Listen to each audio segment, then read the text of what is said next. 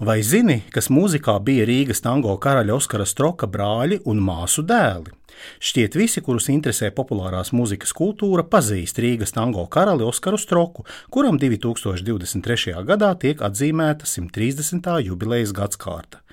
Tomēr laikam nepārāk daudz mūsdienās zina, ka tango karalis nācis no ļoti muzikālas kādreizējās Dvīnskas, mūsdienās Daugopils ebreju ģimenes, kurā arī citi tās pārstāvji 20. gadsimtā jo redzami bija sevi pieteikuši pasaulē.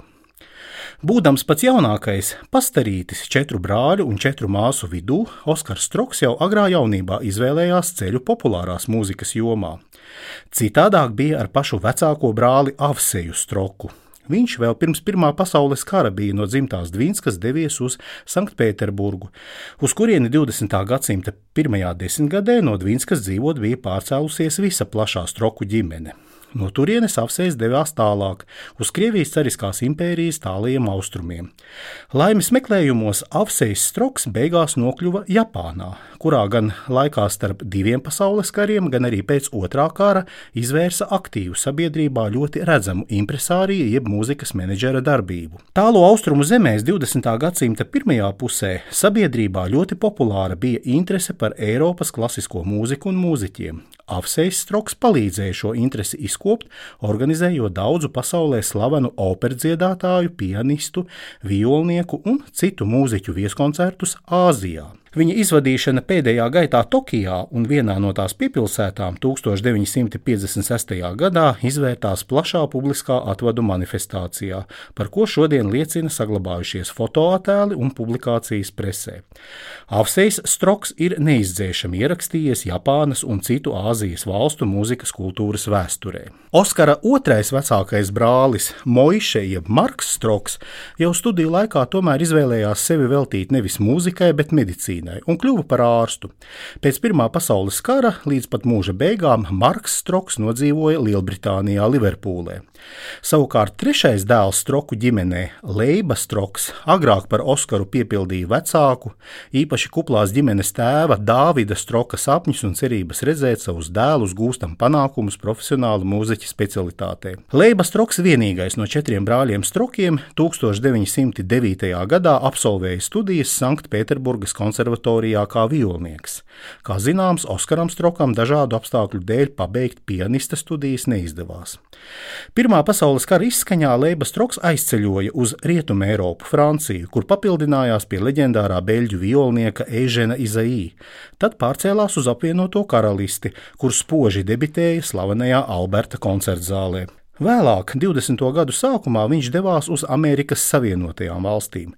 Tur, turpinot virtuoza viola spēlētāja karjeru, Leiba mainīja savu vārdu un uzvārdu, turpmāk publikas priekšā muzicējot kā Leo Strokovs.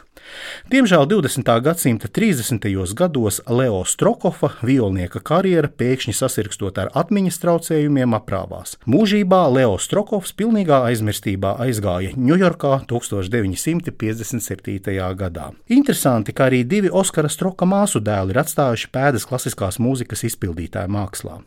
No četrām Stroka māsām - Bertas, Lizas, Marijas un Rozīnas - pirmais savu ceļu mūzikā iesāka Bertas dēls Aleksandrs Dubjānskis. Jau pusauģa vecumā mācoties Sanktpēterburgas konservatorijā, viņš mūzikas kritikā tika nodēvēts par īstu brīnumbērnu, kuram īpaši padevās vēlīnā romantiķa un filozofiskā mistiķa Aleksandra Skriabina metroritmiski un dinamiski sarežģītās kaprīzās klavieru mūzikas audumu lasījumi. Pēc konservatorijas absolvēšanas un Pirmā pasaules kara Aleksandrs Dubjānskis pārcēlās uz Ukrainu, Kievu. Tur pavisam jaunās uzlēcošās pianisma zvaigznes mūžs spēja aprāpēt aprāvās liktenīgas, neatbildētas mīlestības dēļ.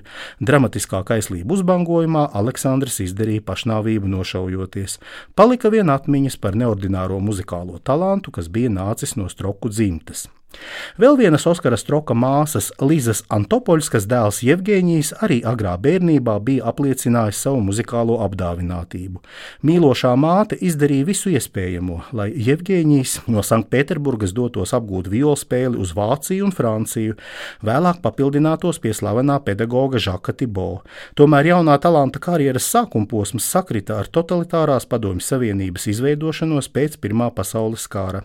Gan Līza, gan Jevģīnijas Antopoļskas Antopoļski cieta no pirmā staļinisko represiju viļņa 20. gadsimta 30. gadu otrajā pusē tiekot izsūtītiem uz Kazahstānu.